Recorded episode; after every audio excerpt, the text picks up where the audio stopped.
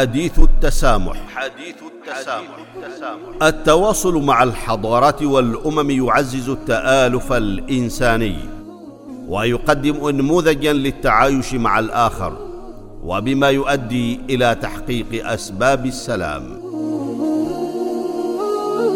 حديث التسامح برنامج يعده ويقدمه معالي الدكتور محمد بن سعيد المعمري وزير الأوقاف والشؤون الدينية حديث التسامح, التسامح.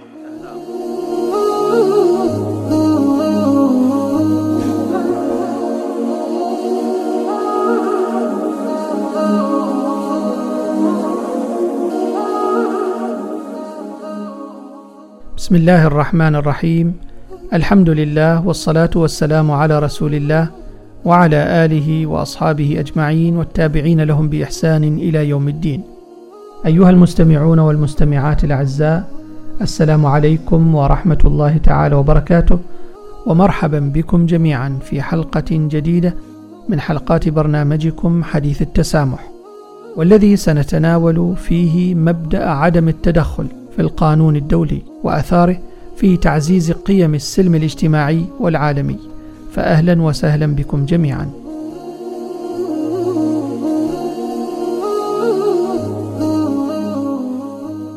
أعزائي المستمعين والمستمعات من المبادئ الأساسية التي قامت عليها العلاقات الدولية ومواثيق الأمم المتحدة مبدأ عدم التدخل حيث نص ميثاقها على ضرورة احترام سيادة الدول وعدم التدخل في الشؤون الداخلية لها.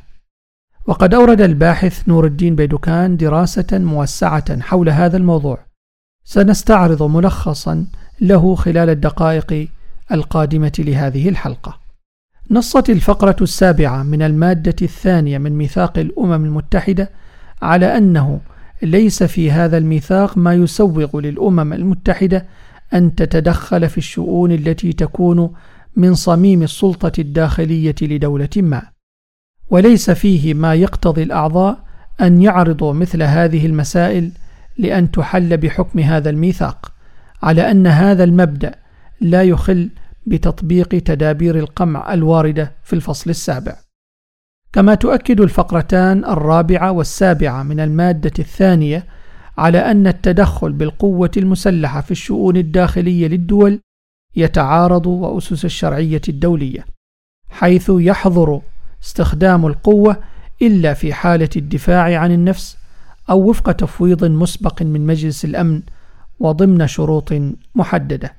إن مبدأ عدم التدخل ليس مبدأ أساسيا فقط من مبادئ القانون الدولي، ولكن هذا المبدأ له خلفية تاريخية مستقرة ومستمرة، حيث إنه تأكيد لسيادة الدول، كما يؤيد هذا المبدأ العديد من توصيات الجمعية العامة خاصة التوصية رقم 2625 ومن شأن إعمال هذا المبدأ التأكيد على تنمية علاقة الصداقة والتعاون بين الدول.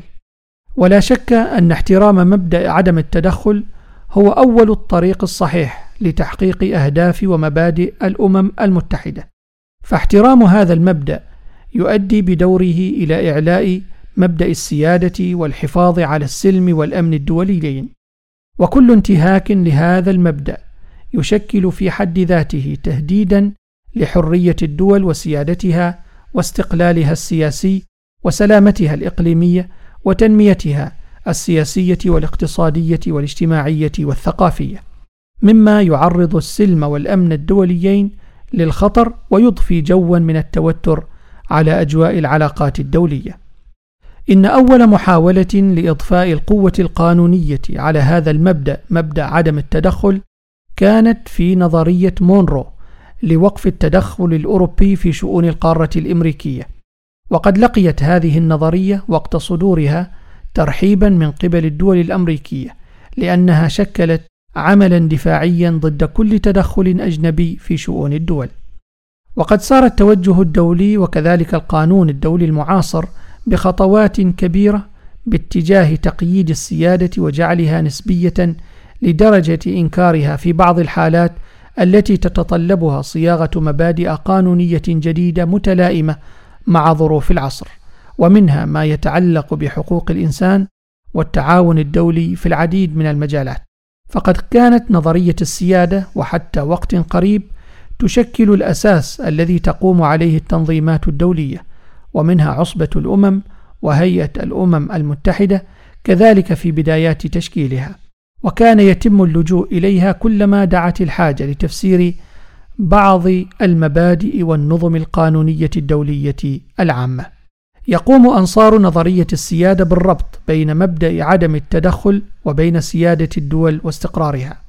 لذا فإن بعضا منهم يرى في التدخل اعتداء على سيادة واستقلال الدولة المتدخل في شؤونها، كون أن تطبيق مبدأ عدم التدخل بشكل صحيح يعزز مبدأ سيادة الدول ويضمن إرادتها الحرة المستقلة ويمنع الدول الأخرى من المساس بسيادتها. ويرى آخرون منهم بأن مبدأ عدم التدخل يشكل نتيجة طبيعية ومتلازمة لمبدأ المساواة في السيادة بين الدول وبالتالي فلا يحق لدولة ما اللجوء لممارسة أي وسيلة سواء أكانت سياسية أم اقتصادية أو أي وسيلة جبرية أخرى للاعتداء على حق دولة أخرى في التمتع والمحافظة على سيادتها أو النيل منها. يتطلب الارتباط الوثيق بين مبدأ عدم التدخل والسيادة دراسة نظرية السيادة في القانون الدولي العام ولو بشيء من الإيجاز، وذلك كجزء من دراسة وتحديد الأساس القانوني لمبدأ عدم التدخل.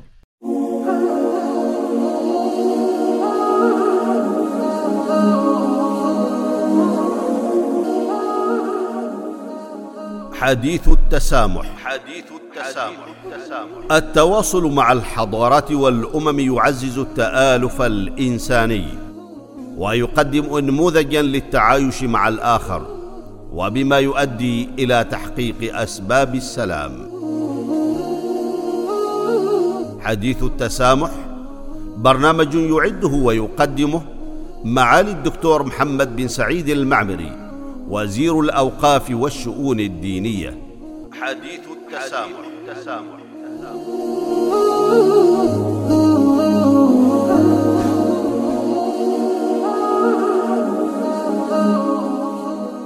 أيها المستمعون والمستمعات السيادة أي سيادة الدولة فكرة قديمة قدم تكون الدول رغم عدم ذكر التسمية فوجودها بتسميات أو صور أخرى أو حتى بدون وجود تسمية حقيقة لا تنكر.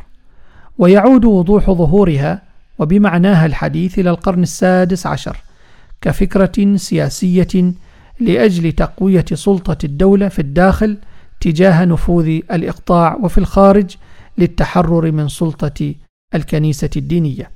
تضمن ميثاق الأمم المتحدة النص على مبدأ عدم التدخل في الشؤون الداخلية للدول باعتبارها من المبادئ الأساسية التي يقوم عليها والتي يتعين على المنظمة الدولية أن تراعيها في ممارسة أوجه نشاطاتها المختلفة. والواقع أن حصر التدخل له ارتباط وثيق بمبدأ التسوية السلمية للمنازعات ومبدأ عدم اللجوء إلى القوة وكذلك مبدأ المساواة في السيادة سواء أكان هذا الارتباط شكليا أو موضوعيا.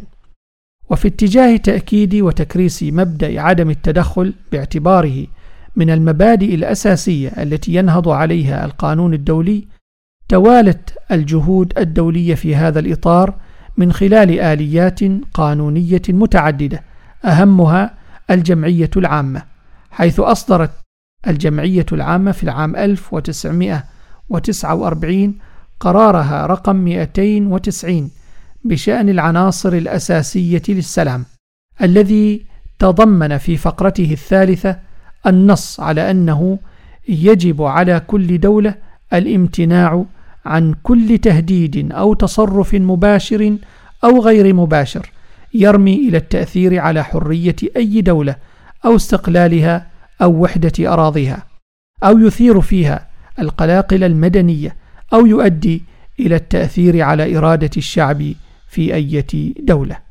وبالتالي لعبت قرارات الجمعية العامة دورا بارزا في رفض الكثير من أشكال التدخل واللجوء إلى القوة بمختلف صورها. وقد أبرزت ممارسات الأمن الجماعي منذ بداية التسعينات اتساع سلطات مجلس الأمن وتوسع مفهوم تهديد السلم ونطاقه ليمتد إلى مجالات لم تكن داخلة في إطاره أيضا كما تبرز أيضا الانتقائية والازدواجية في تحديد أولويات التدخل أو عدم التدخل واتخاذ تدابير الفصل السابع. ويعد بيان رئيس مجلس الأمن والذي جاء معبرا وجامعا لكل آراء المجتمعين على مستوى القمة في مجلس الأمن في عام 1992 البداية الحقيقية لتوسع السلطة التقديرية لمجلس الأمن إذ أصبح بموجبه المجلس يعطي لنفسه صراحة سلطة التدخل في مجالات ومسائل لم تكن مجالا للتدخل من قبل كالمراقبة والإشراف على الانتخابات وحماية حقوق الإنسان والمبادئ الديمقراطية والتدخل في المجالات الإنسانية ومسائل اللاجئين وكذلك التدخل في المجالات الاقتصادية والاجتماعية ومحاربة الإرهاب الدولي والحد من انتشار أسلحة الدمار الشامل باعتبار أن عدم الاستقرار في هذه الميادين يشكل تهديدا خطيرا للسلم والأمن الدوليين. وكما أن مجلس الأمن يتمتع بسلطة واسعة في فرض الجزاءات الدولية فله الحرية في اللجوء إلى إصدار مجرد توصيات أو تبني قرارات ملزمة تتضمن التدابير التي يتخذها المجلس. وفي هذا الإطار فقد لجأ مجلس الأمن إلى فرض جزاءات جنائية على دول انتهكت حقوق الإنسان والقانون الدولي الإنساني بإنشاء المحاكم الجنائية الخاصة استنادا إلى نظرية التفسير الموسع للميثاق أو نظرية الاختصاصات الضمنية.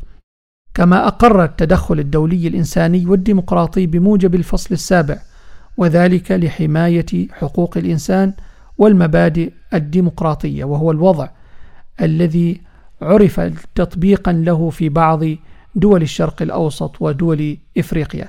وذلك للحفاظ على النظام العام الدولي وسعيا من هذا المجلس لمواجهة طبيعة النزاعات الدولية التي يشهدها المجلس الدولي المعاصر. ومن طرف آخر أصبح مجلس الأمن يلعب دورا جيدا في محاربة التهديدات الجديدة للسلم والأمن الدوليين. هذا الدور جعل المجلس يظهر كمشرع دولي يقوم بإصدار قرارات بموجب الفصل السابع في شكل معاهدات دولية وهو ما تبين في القرارات 1373 و 1540 والمتعلقين بمحاربة الإرهاب الدولي والحد من انتشار أسلحة الدمار الشامل. نقف عند هذا الحد في هذه الحلقة آملين أن نلتقي بكم في حلقة مقبلة بإذن الله. حتى ذلك الحين نستودعكم الله والسلام عليكم ورحمة الله تعالى وبركاته.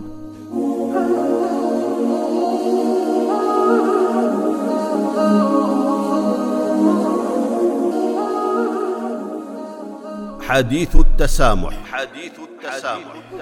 التواصل مع الحضارات والأمم يعزز التآلف الإنساني ويقدم نموذجا للتعايش مع الآخر وبما يؤدي إلى تحقيق أسباب السلام. حديث التسامح برنامج يعده ويقدمه معالي الدكتور محمد بن سعيد المعمري وزير الأوقاف والشؤون الدينية حديث التسامح, التسامح. التسامح.